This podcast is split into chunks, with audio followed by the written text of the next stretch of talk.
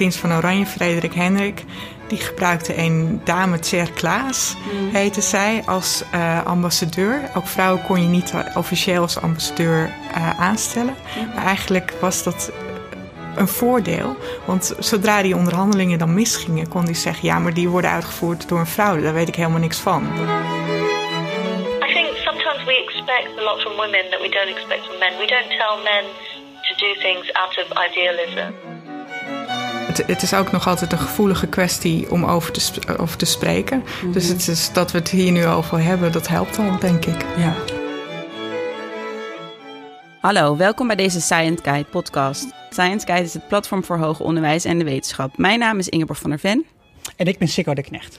Als redacteuren schrijven wij zelf regelmatig over de rol van vrouwelijke wetenschappers. Nu willen velen van hen niet op gender aangesproken worden.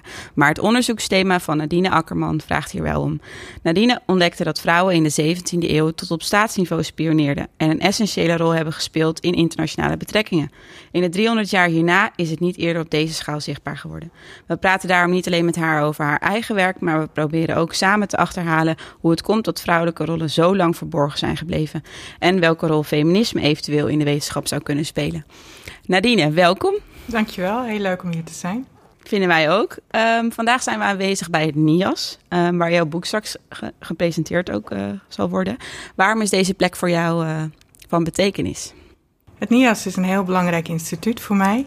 In 2015, 2016 was ik feller bij het NIAS toen het nog in Wassenaar zat. Uh, verborgen in de duinen in alle rust kon ik werken aan mijn onderzoek. Uh, het NIAS is een van de weinige instituten in Nederland waar je nog echt fundamenteel onderzoek kan doen. En dat is een groot goed. Er hoeft niet meteen bij het NIAS een output klaar te liggen aan het einde van de weg. Mooi, dankjewel.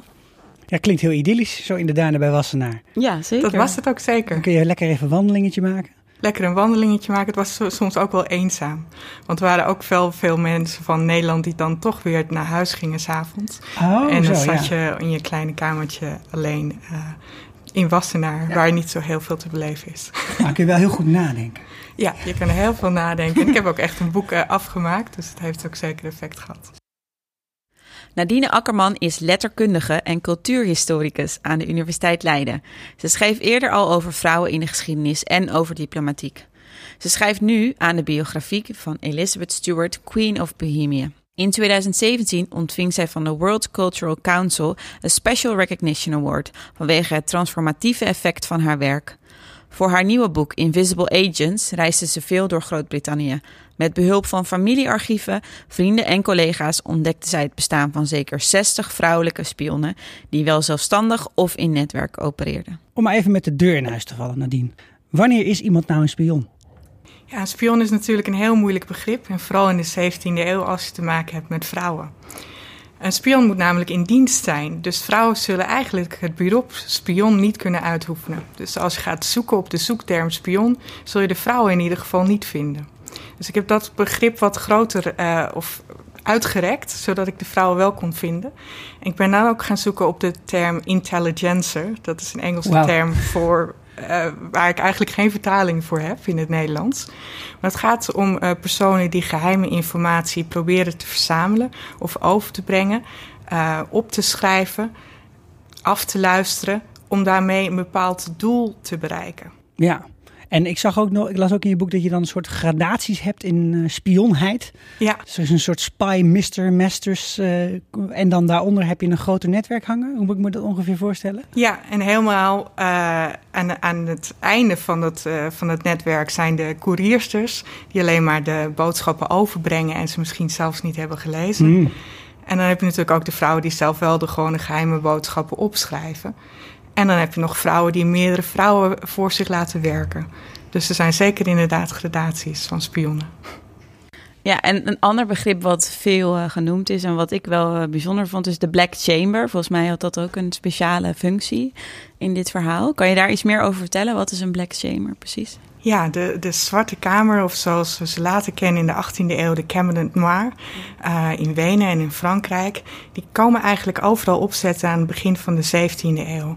En dat is een, een soort achterkamer in, waar de post werd verzameld. En er zaten tien mannen rondom een tafel en die gingen heel systematisch te werk. Alle post kwam daar binnen, die werden, alle brieven werden geopend, die werden snel gekopieerd, vertaald. De geheimtaal werd gedecodeerd en er werden brieven weer met valse zegels verzegeld. En dan binnen een uur werd alsnog de post verzonden. In de hoop dat niemand erachter kwam dat ooit die brieven waren opengemaakt. Wow. Oké, dus dat was echt zeg maar het center waar een hele hoop uh, activiteiten plaatsvonden. Ja, waar ja. mensen spionnen ook probeerden te vangen. Dus te kijken van wie is er eigenlijk bezig met het smeden van geheime complotten. En wie zouden we eigenlijk moeten oppakken. Uh, dus het is het, het spionnen uh, vangnetwerk, maar ook waar mensen eigenlijk konden afluisteren. Ja. En hoe kom, je, hoe kom je achter het bestaan van zo'n black shamer? Ja, dus we gaan meteen heel diep misschien in jouw methodiek, maar uh, ben ik wel nieuwsgierig naar. Ja, eigenlijk uh, is, is dat uh, de reden waarom ik mijn boek begonnen ben. Want ik stuitte per ongeluk op een zogenaamde spy mistress. Okay. Een van de dames die eigenlijk aan de top stond. en in Brussel deze brieven opende. En ik kwam dat tegen doordat ik de correspondentie aan het redigeren was van de winterkoningin, Elizabeth Stewart. Die ja. heeft hier ook 40 jaar in Den Haag gewoond in de 17e eeuw. En die had het over dat ze brieven naar Engeland vanuit Den Haag via land verstuurde. Nou dacht ik van Engeland naar Den Haag, dat kan volgens mij alleen maar over water. Mm -hmm. Dus ik dacht, wat bedoelt ze nou? En die term kwam steeds terug. En toen kwam ik erachter dat ze bepaalde brieven via Brussel verstuurde. En toen kwam ik op, op de zwarte kamer van uh, deze postmeesteres, waar de Britse ambassadeur ontzettend over klaagde. Want hij was erachter gekomen dat in haar postkamers de brieven werden geopend. Wauw, wat een verhaal. En dat vind je dan in een bijzin in een bijzin waar je op stuit en je denkt dat klopt niet. Nee. Brieven kunnen niet over land verstuurd worden naar Engeland vanuit Den Haag. Dus dit is bijna het ideaalbeeld van wetenschap, toch? Van je bent al heel druk bezig en dan door de serendipiteit ergens op de achterkant van een bierveeltje zie je iets staan en denk je, hé, wat is dit nou? En dan ga je er achteraan. Ja, dat hoop je natuurlijk op. En, ja, uh, er moeten natuurlijk ook tientallen dingen zijn geweest die niks betekenden waar je op bent gestuurd en dit dan toch Oh ja, wel. zeker. En dat is ook het, uh, het grappige van het werken op spionage. Want je begint ontzettend achterdochtig te worden. Ja. Dus je leest overal geheimen in. Ja, ik kan me voorstellen. En op, op wat voor plekken kom je zelf dan eigenlijk op zo'n moment als je onderzoek doet? Um, ja, dat is ook het hele leuke aan het onderzoek doen in de 17e eeuw. Want je komt eigenlijk op heel veel verschillende plekken. Hebt privéarchieven, en dat kan echt dan uh, bij een graaf of een gravin zijn op zolder, op, op een of ander kasteel. Die bestaan nog, graaf en gravinnen? Ja, zeker. Helemaal als je met dit onderzoek bezighoudt. Um, of het kan ook gewoon in de British Library zijn in Londen, wat een ontzettend mooi gebouw is. Of in de Bodleian in Oxford. Um, ontzettend veel bibliotheken ben ik afgeweest om al het materiaal te verzamelen. Nou, dat klinkt als een hele uh, uitdagende zoektocht. Zijn er ook tegengeslagen geweest in dit verhaal? Want je bent dus begonnen per toeval. Ik neem aan dat je dan enthousiast raakt. Uh, zijn er ook momenten geweest ja, waarop het leek alsof je bepaalde dingen niet kon vinden? Of ja, ja, zeker. Um, ik, dit was een, echt een, een moeilijk onderzoek om te doen. Mm. Het heeft ook best wel eventjes geduurd om het af te ronden. En het heeft ook te maken met al die geheimen, al die codes die je moet breken. En soms uh, kan je, heb je het idee dat je achter schaduwen aanloopt en helemaal nergens terechtkomt. Dus het was een heel gepuzzel. Ja. Um, ook had ik last in het begin met, met het uh, besef dat ik natuurlijk alleen de slechte of de onsuccesvolle spionnen vind. Ja. Want anders kom je ze niet tegen. de losers. De losers vind je. dus eigenlijk kan je het verhaal dat je zou willen schrijven van die super succesvolle vrouwen is bijna niet te doen. Nee. dat, oh, ja, zo had ja. ik het nog niet eerder bekeken, nee. maar dat is natuurlijk zo. Ja. Je schrijft op een gegeven moment ook in je boek van. Uh, ik zou, zo, ik zou graag een kwantitatief onderzoek willen doen of iets willen vertellen over de omvang of zo, maar er is nog vrij weinig onderzoek naar gedaan. Dus ik moet het bij toch verhalen houden. Dus het is, het is een verhalend uh, ja. boek wat je hebt geschreven, waarin je die relaties uit probeert te leggen. Vind je dat niet een beetje jammer of is het eigenlijk ook helemaal niet zo gebruikelijk in het schrijven over spionnen dat je echt met getallen kunt werken? Nou, ik, ik, zou, ik vind het jammer, want uh, je wilde het natuurlijk zo wetenschappelijk mogelijk maken. Dus je wilde onmiddellijk met cijfers kunnen staven. Uh, maar aan de andere kant is dit gewoon het eerste boek over de vrouwelijke spion in de 17e eeuw. Dus je moet ergens beginnen. En je wilt mensen natuurlijk ook meenemen. Dus ik heb het echt geprobeerd te schrijven zodat mensen het ook van A tot Z uh, zullen lezen. Uh, en met me meegaan in, in ook um, de wens om over vrouwengeschiedenis te schrijven en het belang daarvan. Ja, wat is jouw eigen persoonlijke favoriete verhaal of ontdekking? Um, mijn favoriete verhaal is denk ik wel de verhalen die ik ook heb weten te ontkrachten. Hm. Dus ook de spionnen of, of de vrouwen waarvan we dachten dat ze spion waren, dat ah. helemaal geen spion bleken te zijn. Ja. Dus dat we nog steeds met een soort lens naar de geschiedenis kijken. Uh, en dat, dat een bepaald beeld van een vrouw eeuwenlang overeind blijft staan. Maar als je dan gaat kijken naar de details, dat je heel veel dingen niet blijken te kloppen. Ja, dus het rechtzetten van ja. foute ontdekkingen eigenlijk. Ja, ja, dat vind ik net zo interessant als zelf nieuwe ontdekkingen doen. De rol van vrouwen in de geschiedenis is ook onderwerp van het debat in de Kamer. D66-Kamerlid Sjoerd Sjoerdsma vroeg onderwijsminister Ingrid van Engelshoven op 4 april of zij niet vond dat er wel erg weinig vrouwen zijn in de kanon van Nederland. Slechts drie van de 50 vensters gaat namelijk over vrouwen. De minister, ook lid van D66, antwoordde hierop dat zij wil kijken op wat voor manier de kanon diverser kan worden. Voor het CDA en de ChristenUnie reden om in de Telegraaf te reageren. Ik wil geen politieke discussie over de inhoud van onze geschiedenis, aldus Siebrand van Haarsma Buma. Volgens de NRC zijn wij beland in een identiteitscrisis. Het ene kamp zegt de geschiedenis is nooit af, het andere kamp zegt wij moeten de geschiedenis niet steeds herschrijven. In het licht van het werk van Mary Beard, Nadine Akkerman zelf en wetenschapsjournalist Angela Saini, die in haar boek zei: Ik heb daarvan geleerd dat de wetenschap verre van volmaakt is en dat ligt niet aan de methode, maar aan onszelf. Zouden we zo langzamerhand kunnen stellen dat de geschiedschrijving vanuit een bepaalde invalshoek heeft plaatsgevonden? Nadine zelf zet zich binnen de jonge academie in op het dossier wetenschapsbeleid, waar ze veel meer aandacht wil genereren voor diversiteit in de academie. Uh, Nadine, in het boek zeg jij: Even when faced with the evidence, people simply refuse to believe that women could possibly be involved in such such plots, and subsequently histogra histography has tended to follow suit. Um, deze vooroordelen die mensen hadden over wie, hoe het is om een vrouw te zijn en wat je bent als vrouw, hebben vrouwen dus eigenlijk kunnen inzetten. Het werd niet van ze verwacht, dus ze hadden eigenlijk heel veel beweg bewegingsruimte om zich als spion in te zetten, of niet? Klopt. Het ironische is dat vrouwen dat echt als een voordeel gingen gebruiken. Ja. Ze waren onzichtbaar. En dat is natuurlijk de mooiste kwaliteit die je als spion kan hebben: onzichtbaarheid. Ja, als niemand je ziet, ook al sta je er gewoon en je wordt niet gezien, dan is het fantastisch als je spion wilt zijn. Ja, mooi. Um, in dat kader viel het me wel op, uh, als je het hebt over Lady ik weet niet of ik haar naam goed uitspreek, Dobini, zeg ik het dan goed? Ja. Um, zij smokkelt brieven door deze in haar haar te verstoppen. Maar deze Liz krijgt daarna later wel de naam van een man. Edmund Waller, if, if I'm correct, ja, right? Ja. ja. Um, zou je wat meer kunnen vertellen over deze lady? En ik ben gewoon heel nieuwsgierig, waarom heeft die Liz niet haar naam gekregen, maar die van Waller? Ja, Waller is dan degene die het hele uh, plot heeft bedacht. Ah, en zij was degene die alleen maar één van de boodschappen in haar haar stopte. Ah, op die manier. Ja. En ze wordt er ook van beschuldigd dat ze zich niet onzichtbaar genoeg heeft opgesteld, maar dat ze eigenlijk te veel glamour had voor, de, voor een spion. Um, dus dat ze te veel in de kijker zou uh, hebben gespeeld. Wauw. Dus is, is, er nog een bepaald type vrouw wat je zou omschrijven als een succesvolle spion dan in die tijd? Als ze zeggen vanuit te veel glamour, te veel opvallen was ook niet goed? Ja, het is heel moeilijk te zeggen, want ze hebben wel hele verschillende kwaliteiten. Een andere spion uh, was Lady Carlisle, die was zeker zo, uh, zo aanwezig. Iedereen kende haar. Mm -hmm. um, maar niemand verdacht haar ook van uh, spionage. En ook al werd ze ervan beschuldigd, ze ging er gewoon nog mee door. Um, dus vrouwen worden ook niet zo vaak uh, gevangen gezet als de mannen, of zeker niet zo hard gestraft.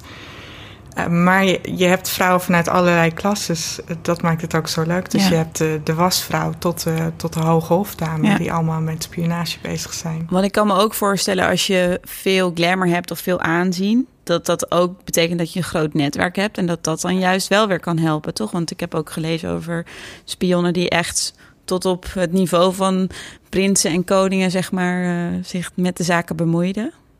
Het netwerk helpt ook, lijkt mij. Het netwerk is ontzettend belangrijk. Ja. Waar heb je toegang toe en wie luistert er sowieso naar je?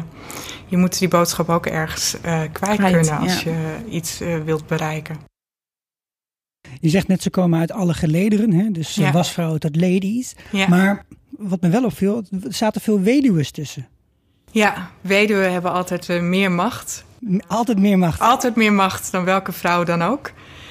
Vaak is dat zo omdat ze eh, geld hebben. Die postmeesteres in, in Brussel krijgt bijvoorbeeld de gelegenheid om als postmeesteres aan het werk te gaan, omdat haar man sterft en de zoon is nog niet oud genoeg om het werk over te nemen. Wat daarbij ook wel eh, interessant is om te noemen, is dat geschiedenis altijd over haar heeft geschreven alsof haar zoon het deed, maar die was vier jaar oud. Ja, ja, dus dat Ja. is toch lastig. Ja, precies. Dat kleine Peter het deed. Ja, ja, ja, inderdaad. Ja, en wat mij ook opviel is, dat, dat schreef je ook ergens van ja, dan zijn er periodes waarin een vrouw dan zo'n rol vervult en soms ook heel succesvol en op hoog niveau. Maar als er dan vervolgens weer een, een man komt, of dat hè, de zoon wordt oud genoeg, of er komt een opvolger, dan is iedereen ook weer klakkeloos vergeten dat het eh, zo lekker ging. Ja. Dat deed me een beetje denken aan ook in de Eerste Wereldoorlog, dat de vrouwen eh, die stonden in de fabrieken en daarna was het, eh, oh, heb je in de fabrieken? Oh, nee, had niet doorgehad. Nee, precies. Dus dat zodra de, de oorlog dan is afgelopen en alles wordt weer genormaliseerd, dan lijken die, die vrouwen toch niet minder actief te zijn. En dan nemen de mannen het weer gewoon over. En je ziet dat de regering dan het liefst weer alleen met mannen werkt. Omdat die ook eh, als geloofwaardiger worden gezien. Het is altijd ook een risico voor de spymasters om met vrouwen te werken. Omdat er gedacht werd dat je vrouwen niet kon geloven. Dus die slechte reputatie kon eh, ook, ook, ehm, eh, ook reflecteren op, op de reputatie van de, de spymaster zelf. Maar er werd gedacht dat je vrouwen niet kon geloven. Ja, Maar waar, waar, zit, waar zit die oorsprong van die gedachte in vredesnaam? Die oorsprong van die gedachten zit, zit heel diep over hoe er over vrouwen werd nagedacht. Dat was, waren eh, irrationele wezens. Eh, en daarom kon je ze ook niet echt ehm, ehm, straffen. Want je kon ze eigenlijk er niet verantwoordelijk voor houden. Want ze deden toch allerlei dingen die niet hoorden. En ze waren irrationeel en hadden te veel emotie. Daarom kwam ze ook met dingen weg. Ja, wow, dat Die gaat, bewegingsruimte. ja, gaat terug naar de erfzonde ongeveer dan eh, Ja, op dat ja, punt. dat zat nog heel diep toen. Ja, dus nou ja, in je bewegingsruimte, als je dan eenmaal aangesteld bent en je bent bezig en je wordt zelfs gesnapt, dan heeft het heel veel voordelen. Maar daarna, als je weer uit je functie ontheven bent, dan eh, Ja, gaat alles weer terug naar het oude. gaat alles weer terug naar af. Hardnekkig. Ja, zeker hardnekkig. Bijzonder, bijzonder. Ja, en, en wat wij ons afvroegen is, dit zijn allemaal, dat, dat zijn allemaal gedachten op basis van vooroordelen en ehm, die komen niet uit het niets, maar die, het is ook niet alsof die niet ergens blijven. Want als wij zo eventjes een lijstje afwerken van eh, spionnen in films of in boeken of in moderne series, het zijn toch bijna altijd mannen. Als het vrouwen zijn, dan hebben ze ook allemaal een bepaalde tactiek of strategie. Of zeker in die jaren 60, 70 series hebben ze dan altijd zo van... dat is de mooie of die kan goed zingen. Denk jij dat, de, dat, dat, dat eigenlijk wat jij hier blootlegt... dat vooroordelen op heeft geleverd die nog eeuwenlang door hebben gezongen? Ik denk zeker nog dat die vooroordelen allemaal gewoon nog doorgaan. Want ik krijg vragen ook de vraag van... oh, je werkt op vrouwelijke spionnen in de 17e eeuw. Dus de Mata Haris van de 17e Ja. eeuw. Ja. Dus de verleidsters, dus de seksuele wezens. eh, dus de vrouwen die, die mannen met, met hun aantrekkingskracht ver- verleiden. Nou is dat misschien wel zo geweest. Dat is natuurlijk heel moeilijk te achterhalen... of er niet eh verleidsters tussen zijn eh, geweest. Maar Dat is al helemaal niet opgeschreven. dat is al helemaal niet opgeschreven. Nee. Ehm, dat is natuurlijk ook altijd als je een man bent en je verleid door een dame en je hebt daarmee je geheimen mee prijsgegeven, dan ga je dat niet nog ergens eens op papier zetten dat dat is gebeurd. Dus dat is zeker moeilijk om te achterhalen. Maar het opvallende is dat deze vrouwen in deze eeuw precies zo werken als de mannen. Dus gewoon het gebruik maken van onzichtbare inkt, eh, geheimschrift, het afluisteren, het inzetten van netwerken. En wel werken met dat voordeel dat, eh, dat er over vrouwen bestaat. Maar de werkwijze zelf is precies zoals die van mannen. Ze zetten hun vaardigheden en capaciteit eigenlijk op dezelfde manier in. Ja. Dat is wat je zegt. Ja. Ja. Nou, jouw boek is natuurlijk ook aanleiding geweest voor mij om het met vriendinnen hierover te hebben. En nou kwam ik erachter, een vriendin van mij die, die eh, pas, zij is mijn leeftijd, dus eind 20, nu pas nadenkt over misschien een functie bij de AIVD, omdat ze via via dan hoorde dat dit tot de mogelijkheden eh, be- behoorden. En wat ik me, ja, nou ja, waarom ik het zeg is omdat rondom dit thema, ik denk echt dat het best wel ver doorwerkt. Als ik kijk binnen mijn vriendinnengroep of vrouwen om mij heen, dat is echt niet iets waar je over nadenkt als je op de middelbare school zit of zo. Van misschien ga ik wel bij de Secret Intelligence. Het is toch best wel heftig dat, ja, dat, dat je weet en de bewijzen ziet van dat dit soort vooroordelen zo lang nog doorwerken. Tot in deze eeuw. Ja, je Ja. moet natuurlijk altijd wel rolmodellen hebben. Die rolmodellen zijn ontzettend belangrijk. Ja. Daarom denk ik is het ook eh, van belang om zo'n boek alsnog te schrijven. Dus te laten zien dat het in de geschiedenis misschien wel anders heeft gezeten. En eh, als iemand van twintig dan daarover na gaat denken met een gesprek met jou, dan is natuurlijk, heb ik mijn doel bereikt. Ja, dat is zeker waar. Zeker waar. Ja, ik zit nu ook even na te denken dat spionnen zoals we die in heel veel series zien, Mhm. zijn helemaal geen mensen die echt voldoen aan waar jij eigenlijk eh, in je introductie over begint, over wat het betekent om spion te zijn, namelijk iemand die informatie overbrengt. Weet je, Ja. als ik denk aan James Bond, dan denk ik aan helikopters, auto's die kunnen vliegen en dingen die ontploffen. Maar een echte spion houdt zich daar helemaal niet mee bezig.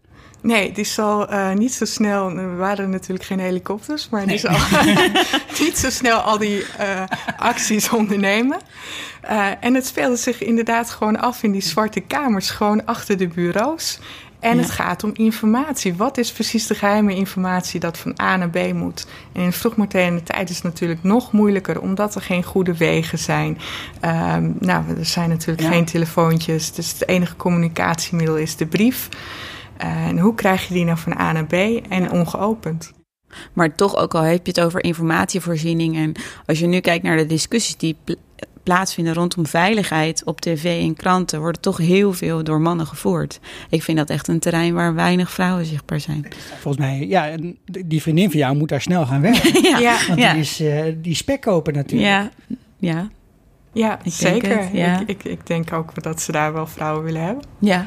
Als Want- ze die niet hebben daar. Ja, ik heb geen idee of jij daar zicht op hebt, maar jij werkt dan ook wel internationaal, of in ieder geval binnen Europees verband. Is dat in, in andere landen dan heel anders dan hier in Nederland? Is het een Nederlands eh, ding, die ongelijkheid tussen man en vrouw? En, Specifiek in Ja. niet. Zou ik dat zou je niet weten? durven Nee, zeggen. nee, nee. Dat is geheim. Dat is geheim, ja.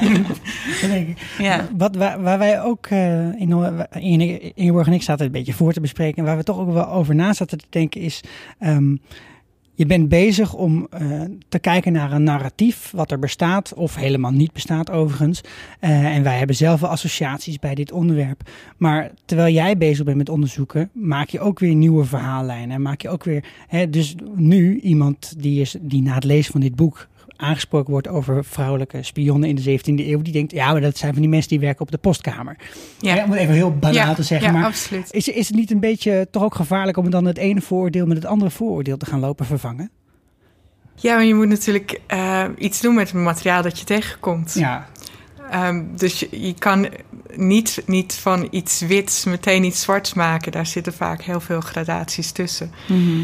En ehm, als, als iemand denkt van nou, eh, ja, maar deze vrouwen werken echt alleen maar op de postkamer. Ik kan vast veel betere spionnen vinden. Nou, dan hebben, hoop ik dat ik daarmee ook je ja inspireer om dat te doen. Pak het bijltje op en ga verder. Ja, Ja, want in, in, hoe zit jij in het veld, zeg maar? Je, je zegt netjes zoals een wetenschapper dat al doet. Ik ben de eerste die een boek schrijft over vrouwelijke spionnen in de 17e eeuw in Engeland. Ja. Maar eh, zeg maar, moet ik me dan voorstellen dat er wel iemand heel druk bezig is met Chinese spionnen in de 8e eeuw? Of wat is het veld ongeveer? Ehm, ja, dat is een hele goede vraag. Nou, er zijn ontzettend veel boeken eh, over de 16e eh, eeuw als, als over het spionnenwerk van Elisabeth I. Ehm, ja, echt honderden boeken. De 17e eeuw wordt het iets, iets minder als het echt over Engeland gaat. Ehm, toch komen er daar allemaal geen vrouwen in voor. Die staan echt alleen maar in de voetnoten. Of die ene unieke vrouw eh, die dan die uitzondering op de regel zou staan. Maar ook in, in andere landen kom ik ook geen eh, stapels vrouwelijke spionnen tegen. Dus wat dat betreft eh, is het nog steeds wel. Ben je misschien wel unieker dan je je voordoet zelfs? Ja, ja. ja, of een boek over Nederlandse spionnen in de 17e eeuw. Met een hele gekke opmerking misschien. Maar Ja, nou, Ja. we Ja. waren toen in oorlog met Engeland, of heb ik dat verkeerd Ja, nee, begrepen? klopt. Dus eh, het was ook mijn, mijn hoop. Ik ben angliste, dat was ook het makkelijkste. Maar het was Ja. ook zeker mijn hoop door op Engeland te focussen in de, in de 17e eeuw. Dat ik ook iets over Brussel kon zeggen en over Den Haag en Ja. over Parijs. Ja. Maar ik zag toch wel dat die uh, vrouwen in hun Engelse netwerk blijven zitten. Dus dat er niet meteen onmiddellijk contact is met allerlei andere nationaliteiten. Maar dat wat jij net aangaf, hè, veel van jouw werk is ook op per toeval en via geschrift en alles. Dus het zou ook kunnen zijn dat het wel in Nederland zich heeft voorgedaan, maar dat het gewoon niet bekend is of vindbaar of zichtbaar, toch? Ja, ik denk dat het gewoon nog moet worden uitgevoerd. Ja. Ehm, bijvoorbeeld de prins van Oranje kan er wel eentje noemen. Ja. Uh, de prins van Oranje, Frederik Hendrik, die gebruikte een dame Tser Klaas, mm. heette zij, als uh, ambassadeur. Ook vrouwen kon je niet officieel als ambassadeur uh, aanstellen. Mm. Maar eigenlijk was dat een voordeel. Want zodra die onderhandelingen dan misgingen, kon hij zeggen: Ja, maar die worden uitgevoerd door een vrouw. Daar weet ik helemaal niks van. Dat, dat kunt je oh, niet,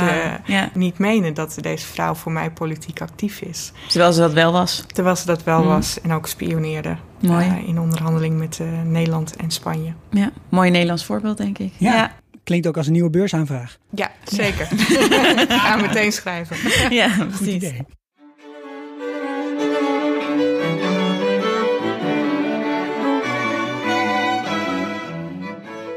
So we are talking with Angela Saini, science journalist for the BBC Radio and published in the Economist. Uh, she's also author of the book Inferior. Um, Angela, in the beginning of this year, your book was launched in the Netherlands. Could you tell us something more about why you really wanted this book to get out there? Um, well, it's a book I wrote for all women, to be honest. Um, mm-hmm. It spans, it's not located in one particular place. It's um, kind of a universal book about uh, all women through all time, trying to understand why it is that science tells us what it does about women, and trying to really get to the root of um, what we know about women's minds and bodies. You know, what what does biology actually tell us about who we are? Yeah. And um, it's really a feminist book. I mean, for me, it hmm. really is.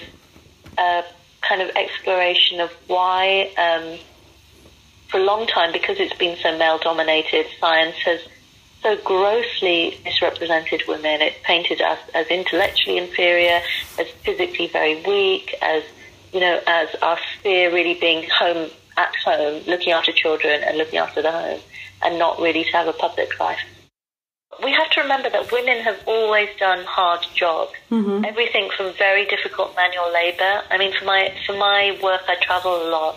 Yeah. Last, last year, I was traveling in India and in Kenya, and I saw female security guards everywhere in Nairobi. Mm-hmm. I saw women working uh, on farms, running farms alone in India and in Kenya. Yeah. So um, we have to remember that most women around the world have always worked. This idea of kind of women staying at home and looking after children and not doing anything else is actually quite a middle class recent invention. It's a product of the wealth of certain societies. Working class women have always worked, but have always done very hard jobs. Yeah. Um, but when we when we talk about the disparities that we see um, in professions, mm-hmm. or in parliament, or you know, in institutions or establishments, that really is a product of patriarchy. It's a product of male domination of these spheres. And the reason men have dominated it is because they deliberately excluded women. They kept women out for their own purposes. You know, the Enlightenment values that we associate with Europe are, you know, of liberalism, of fraternity, but it really is a brotherhood. It's not a sisterhood. No. There was no notion then that women should be liberated or that women should be given the freedoms that all men were being given at that time. So right throughout history, mm-hmm. in different cultures, this plays out in different ways. But women were deliberately controlled and repressed, sexually repressed, physically repressed, intellectually repressed, um, and that continued into the sciences. So you know, many universities, many European universities, didn't admit women until the 20th century. Marie Curie, for instance. Mm-hmm I mention her very briefly in the book. Um, she, the year that she won her second Nobel Prize, um, the French Academy of Sciences uh, denied her membership. Yeah. So it really didn't matter how brilliant you were. It was just for the pure fact that she was female that she was excluded. Yeah. So we have to understand science within this legacy um, that women have been kept out, and they've been kept out because they've been assumed to be inferior. Um, Yeah. And so we can't expect that old science to have said anything other than women are inferior when that was the basis on which it was built. You know, in Saudi Arabia, in Iran, there's a movement of women in Iran right now who are resisting mandatory veiling. So the government says they have to be covered up when they go outside. There's Yeah. lots of things they're not allowed to do. And we should be speaking out about this. Yeah. You know, this is the frontier in women's rights. And women's rights can't just be, you know, some women. It has to be all, All women. women. Ja. I think there's a huge amount of work that needs to be done. And we all need to do it together. We can't be relativist about this. We can't be choosy about which women we support. We have to support all women. Um, and yes, there are women in the world who have their rights completely denied, who live in very patriarchal societies. Ja. Um, and, you know, even within the less patriarchal society, so within Scandinavia or within Europe, there is still a lot of work to be done because women are still underrepresented. Ja. And at the same time, we can't forget that there is a huge backlash going on. You know, there are people like President Trump, for instance, who desperately want to claw back the progress we've already made. There are, there is, there are movements in Northern Ireland, in America, to um, deny women the right to abortion. Yeah. We have all heard about this. fought Ja. so hard for, mm-hmm. and yet we're going, we're at risk of losing this. So, you know, on the on, firstly, we can't be complacent and assume that the rights that we already have are guaranteed forever. We could lose them if we're not careful. Ja. Secondly, there is so much more work to be done. Ja. One thing I've always said, so I studied engineering when I was at university, and one thing I did it because I loved it, and you know I like making things, I love science. Ja. But one thing I noticed during my degree was that women were hugely underrepresented. I was the only girl in my class in my college. I think sometimes we expect a lot from women that we don't expect from men. We don't tell men to do things out of idealism. No. Um, and why should we expect an individual woman who has to pay the bills, who has to raise her kids, who has to make a name for herself in this world, to do things out of idealism and not because she just needs to do them? Ja. Most women just need to get things done. And my argument is that there are careers out there that are male dominated, that are, that are really well paid, in which you can have a great career. So why not go out there and claim them? Ja. You don't have to do, you know, low paid, quote unquote, women's work. You can do whatever you want. Um, there are opportunities for you out there. There is so much more support than there used to be in the past. Um, so why not go out there and claim it?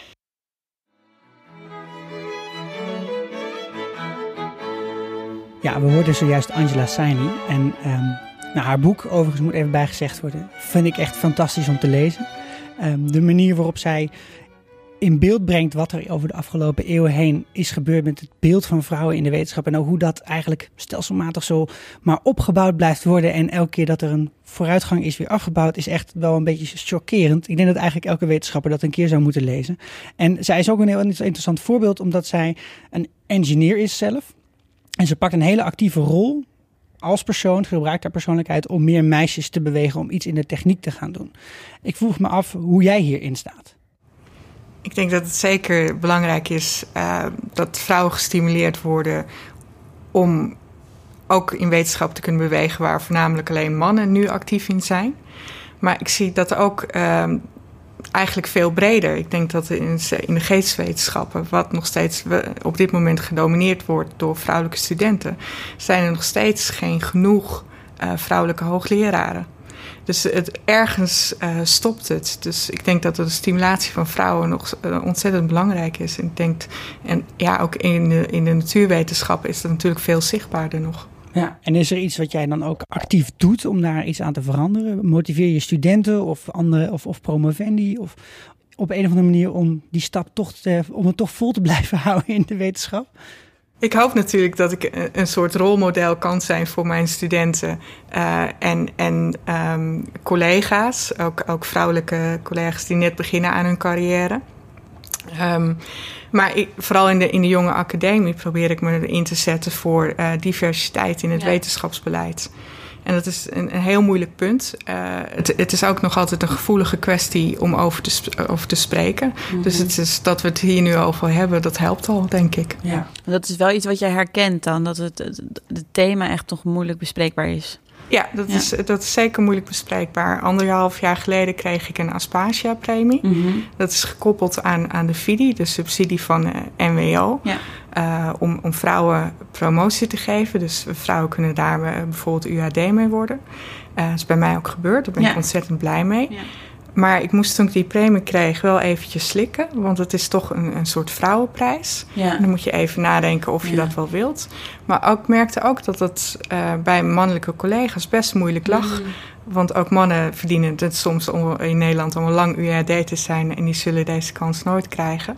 dan moet je toch gaan denken, waarom is het dan wel nodig uh, dat vrouwen zo'n premie krijgen? En ik denk dat het nog steeds, uh, vooral in Nederland heel erg belangrijk is dat vrouwen door kunnen stromen naar de top. Want we staan nog erg laag in de rankingen in de wereld. Ja, maar ik kan me dat wel voorstellen dat als je werkt in, in een veld, en eigenlijk is bijna elke veld in Nederland werkt zo, maar dat eigenlijk iedereen zou wel gewoon een vaste baan verdienen. Ja. dus eigenlijk is het voor iedereen oneerlijk, maar voor één groep ook helder oneerlijker. En om dan die oneerlijkere groep te gaan remediëren, dat levert ja, scheve blikken op natuurlijk. En, en is dat ook iets wat je dan bespreekbaar maakt op je afdeling? Om te zeggen, van, nou Frits, kom even zitten, dan hebben we het erover. Wat, hoe, hoe ga je daarmee om? Het lijkt me echt lastig namelijk. Ik heb uh, wel verschillende gesprekken gevoerd met mannelijke collega's die ook wachten op, op een dergelijke promotie. Ja. Uh, en die dus dan ook niet zouden krijgen. Want het is ook zo, als ik een UAD-positie heb, dan is het ook uh, makkelijker voor mijn instituut te zeggen: ja, maar we hebben al een UAD. Dus dat, dat werkt dan ook ah, nog oh, ja. ja, op zo'n manier door.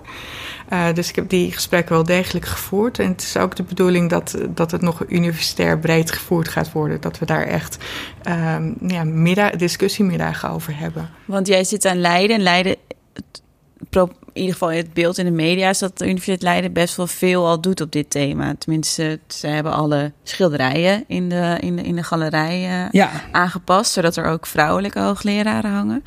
Um, het uh, netwerk, Sophia-netwerk, is vrij actief. Um, ja, hoe zou jij dat... Heb je dat gevoel ook, dat Leiden al veel doet? Of? We hebben natuurlijk inderdaad de geweldige stunt van Athena's Angels. Ook dat, ja. Um, daar kwam dat, de schilderijwisseling in de Senaatskamer vandaan. Ja. Uh, dus dat zijn natuurlijk uh, um, hele actieve hoogleraren die, die zichtbaar zijn. Mm -hmm. uh, met het, het netwerk van Sophia, dat volgens mij net is opgezet daar merkte ik gewoon bij de discussies dat er veel discussies waren die volgens mij in de jaren tachtig ook gevoerd werden. dus ik, ik denk dat er nog uh, veel, veel terrein te winnen is, ook, ook voor Leiden. Ja, discussies in die uit de jaren tachtig nog een keer over doen. Je gaat dan je dan afvragen, heeft niemand toen genotuleerd? Ja, ja zeker. Dat, dus, dat lijkt me dus- vrij vermoeiend ook om die discussie dan steeds opnieuw te moeten voeren. Ja, maar je merkt toch, omdat er toch blijkbaar zo weinig verandert, of zo langzaam, Um, en dan, ja, dan blijft er daar toch ook mensen in, in, het, uh, in het publiek zitten van... ja, de eerste opmerking is dan, ja, moeten we het hier over hebben? van, Oké, we gaan het gewoon helemaal niet over We gaan het gewoon helemaal niet Dat is natuurlijk het makkelijkst. Is het makkelijkst, ja. En, en bij de Jonge Academie, een club waar toch 50-50 tegenwoordig uh, man-vrouw is. Volgens mij is, het zelfs een klein, is de balans zelfs een klein beetje in de richting van de vrouwen momenteel.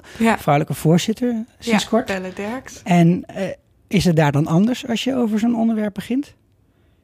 Ja, zeker. Ja? Ik, ik, denk voornamelijk natuurlijk ook door de voorzitter. Mm maar ik, de jonge academie is, is, zich ontzettend bewust van het belang van diversiteit in de wetenschap. Het is ook ontzettend diverse club mensen. Het gaat natuurlijk niet alleen over mannen en vrouwen, uh, maar ook, ook je moet de diversiteit zo breed mogelijk trekken. En, en dat, uh, daar floreert de wetenschap ook veel beter door.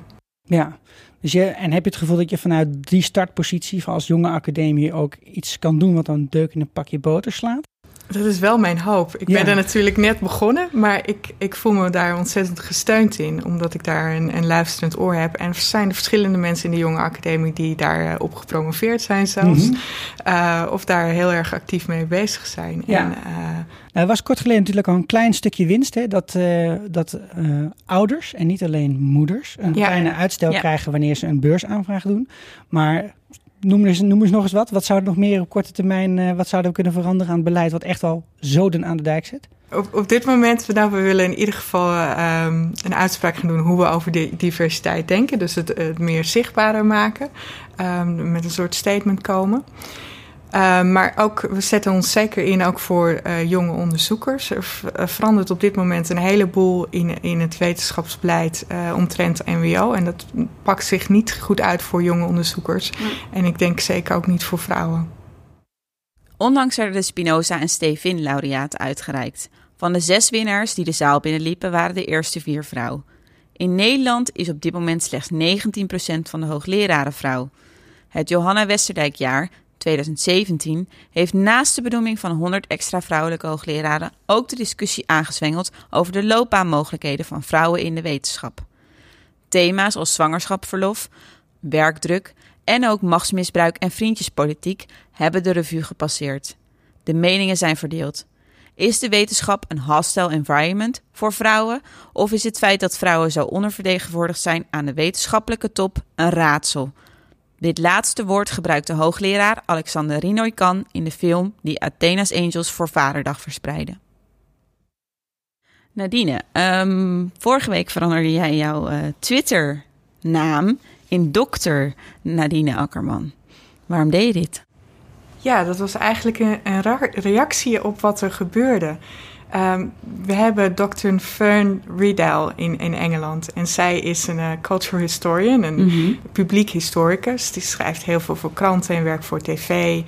En zij gaf een reactie op de, um, op de Boston Mail. Uh, ik denk dat het de Boston Mail was. Okay. Een, uh, een, krant die ervoor had uh, gekozen om alleen nog medische dokters als dokter aan te spreken in hun kranten. Dus de titel van dokter bij alle andere dokters weg te halen. Oh, wow. En toen uh, had zij een snelle tweet van, nou, uh, beste Boston Mail, uh, ik ben Dr. Fern Riedel, not Miss, not Mrs., but really Doctor, ja. because I'm an expert. Ja, want dat wordt automatisch de go-to die je dan gaat gebruiken als krant natuurlijk. Ja. Ja. Mm. ja. Um, en het is ook, ook in het grotere debat van we hebben geen experts meer nodig. Iedereen uh, kan een mening hebben en we, eigenlijk zijn we helemaal niet meer op zoek naar wetenschappers. Maar we kunnen de man op de straat ook vragen. Ja. Dus zij zag dat in een groter debat en ze dacht ik duw even een snelle, snelle tweet uit. ja. Wat gebeurde er? Ze zette een kopje thee en een half uur later zette ze haar computer aan en haar uh, notifications was geheel ontploft. Ja. Uh, want mannen hadden haar aangesproken. Ze zou meer bescheidenheid moeten tonen.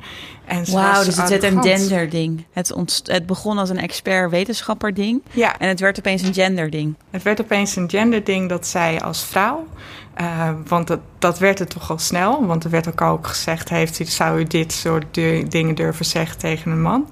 Uh, moet u eens proberen. Hij werd ook meteen uitgedaagd. Mm. Uh, dus uh, mannen die gingen zich er ook mee bemoeien.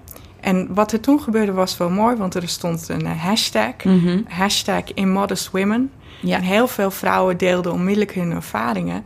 En als steunbetuiging aan Dr. Fern Riedel gingen heel veel vrouwen hun Twitter-handle veranderen in uh, de gewone naam naar dokter. Dus ik heb mijn Twitter-handle Ja. toen ook veranderd. Als steun. Als ja. steun. De Immodest Women. Mhm. Ja. En Maar- het heeft natuurlijk helemaal niet met bescheidenheid te maken dat je een wel of geen titel hebt. Nee. Het is gewoon een titel. Je hebt hem verdiend. Je hebt hem verdiend. Ja. En het heeft Ehm, ook een functie, denk ik, in de maatschappij. Het heeft Ja. zeker een functie dat je het, het toont dat je expertise in een bepaald veld hebt. Ja.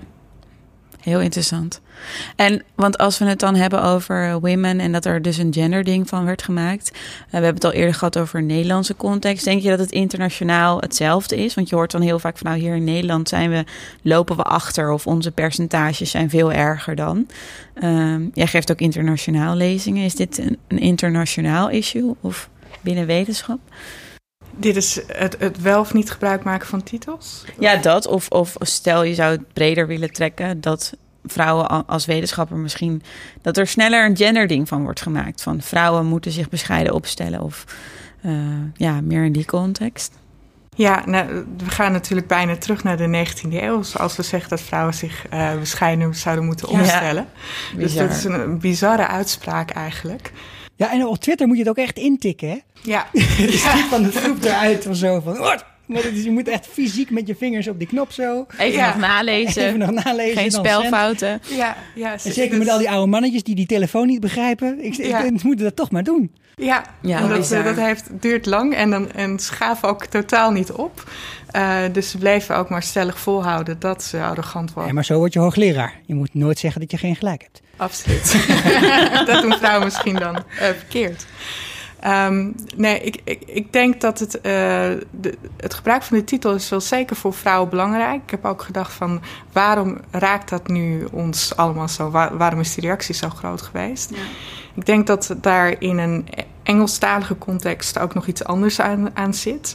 Ehm, als je missus bent, dan ben je automatisch getrouwd en, Ja. en, ongetrouwd. Dus heel veel vrouwen gebruiken het ook hun dokterstitel om te zeggen van... ik ehm, relateer niet aan een man. Je Ah. spreekt mij gewoon aan op de persoon die, die ik ben. En ik ben niet, mijn status is niet afhankelijk van wel of niet getrouwd Nee. te zijn. Ehm, ik merk ook in Nederland dat eh, heel vaak als ik in, eh, met mannen in een onderzoeksgroep zit, dan ben ik toch echt Nadine. En de, eh, de man is dan automatisch dokter of misschien wel professor. En soms heeft hij beide titels niet.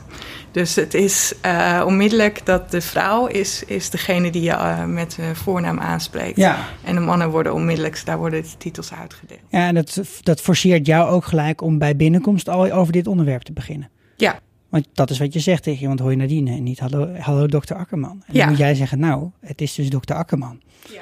Of, of als ik jou Peter mag noemen, vind ik het ook prima. Maar En dat is, ik, ik ehm, doe dat zelf eigenlijk bijna niet, behalve als, het, eh, eh, als mijn mannelijke collega wel met zijn titel wordt aangesproken. Aha. Dan zeg ik er wel wat van. Ik vind het natuurlijk prima om gewoon met mijn voornaam te worden aangesproken. Maar niet als er een soort verschil wordt gemaakt tussen eh, mannelijke collega's en, en mijzelf. ja.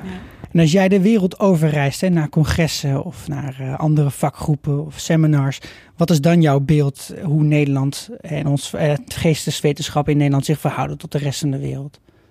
In dit opzicht, hè, in het gender op opzicht. In het genderopzicht. Ja. Ehm, dat vind ik eigenlijk wel een moeilijke vraag. Ja, ik, zag laatst in ieder geval, eh, dat was ook zo'n ding wat op Twitter dan, dat is toch, hè, journalisten werken een beetje zo, maar die zien dat voorbij komen, dat er, dat er een heel groot congres was in de Verenigde Staten. Er was een congres van 30 mensen. Ja, op Stanford. 30 mannen. Ja, Maar is de, was dat nou een, een uitzondering of zeg jij, eh, nee hoor, dat zie ik vaker?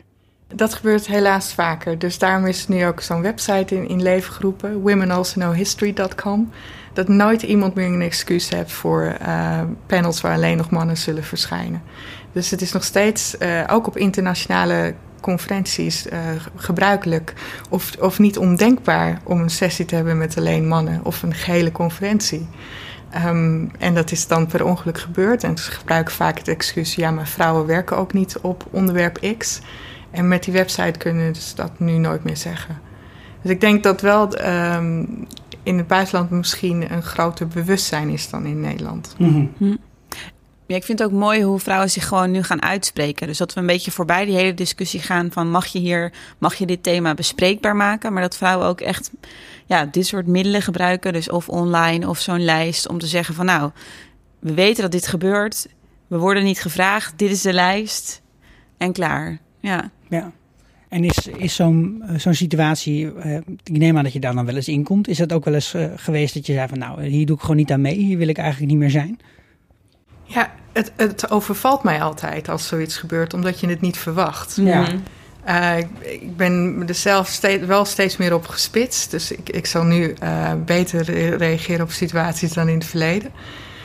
Maar mensen hebben heel erg een idee van hoe een wetenschapper zou moeten zijn. Of eh, eruit zou moeten zien. Ja. Dus ik ben ook wel eens eh, gevraagd voor een prestigieuze lezing in Nederland. Ik zal er verder geen eh, namen noemen. Eh, maar er weken werden, van tevoren werd er gecommuniceerd over mijn cv. Want ze wilden me goed introduceren en of ik nog wat meer achtergrond kon geven. Ehm, en er werd allerlei vragen gesteld. Nou, het kostte heel veel tijd.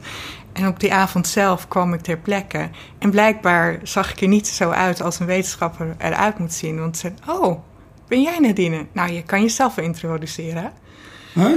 Wauw. Maar wat, wat bedoel, had jij een, een jute zak aangetrokken of zo? Wat is- dus wat ik, zag er precies zo uit als nu, maar misschien eh, tien jaar jonger. Ja, Dus dat was mijn, mijn eerste soort keynote. Ehm, en blijkbaar is, was dat dan te jong of te weinig grijze haren. En dan, ja, dan hoef je niet meer op een bepaalde manier geïntroduceerd te worden. Ja. Ja, heel pijnlijk, maar wel herkenbaar dit. ja, en hoe leg je Ja. dan op dat moment uit wat jou dwars zit? ja, Want zij zitten natuurlijk ook helemaal in hun eigen koker. ja. Dus op dat moment heb ik daar verkeerd op gereageerd om me inderdaad zelf voor te stellen. Dat zou ik nou niet meer doen. Nu zou je vragen van, Ja, ja, Ja. ik heb u genoeg informatie gestuurd.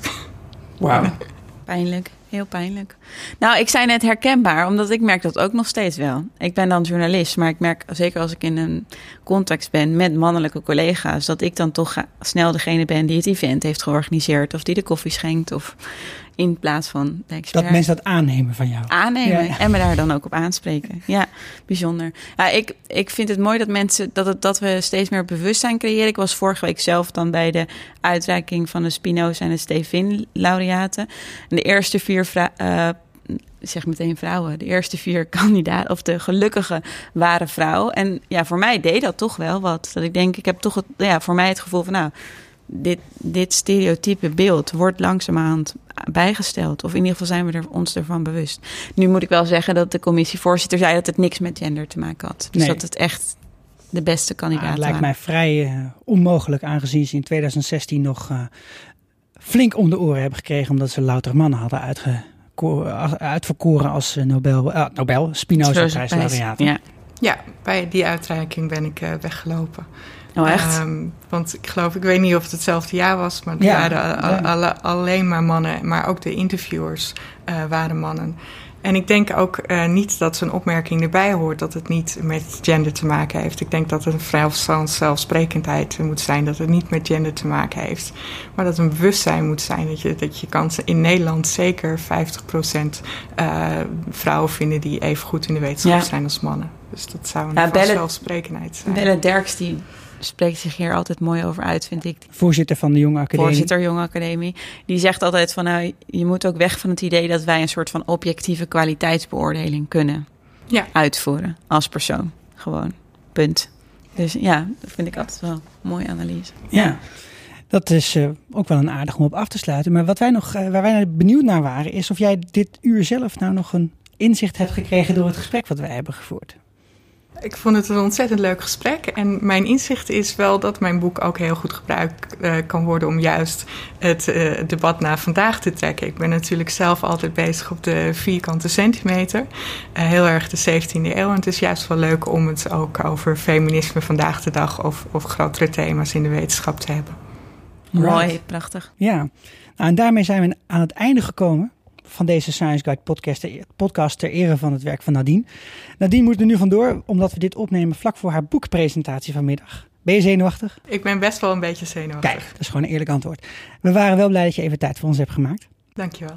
Eh, voor de luisteraars, willen jullie op de hoogte blijven van alle ontwikkelingen in het hoger onderwijs en de wetenschap? Ga dan naar www.scienceguide.nl en meld je bijvoorbeeld aan voor onze wekelijkse nieuwsbrief, die geheel gratis en vrijblijvend bij jullie in de bus valt onder goede AVG-voorwaarden. Mooi. Mijn naam is Sikko. Dit was Ingeborg. Tot de volgende keer.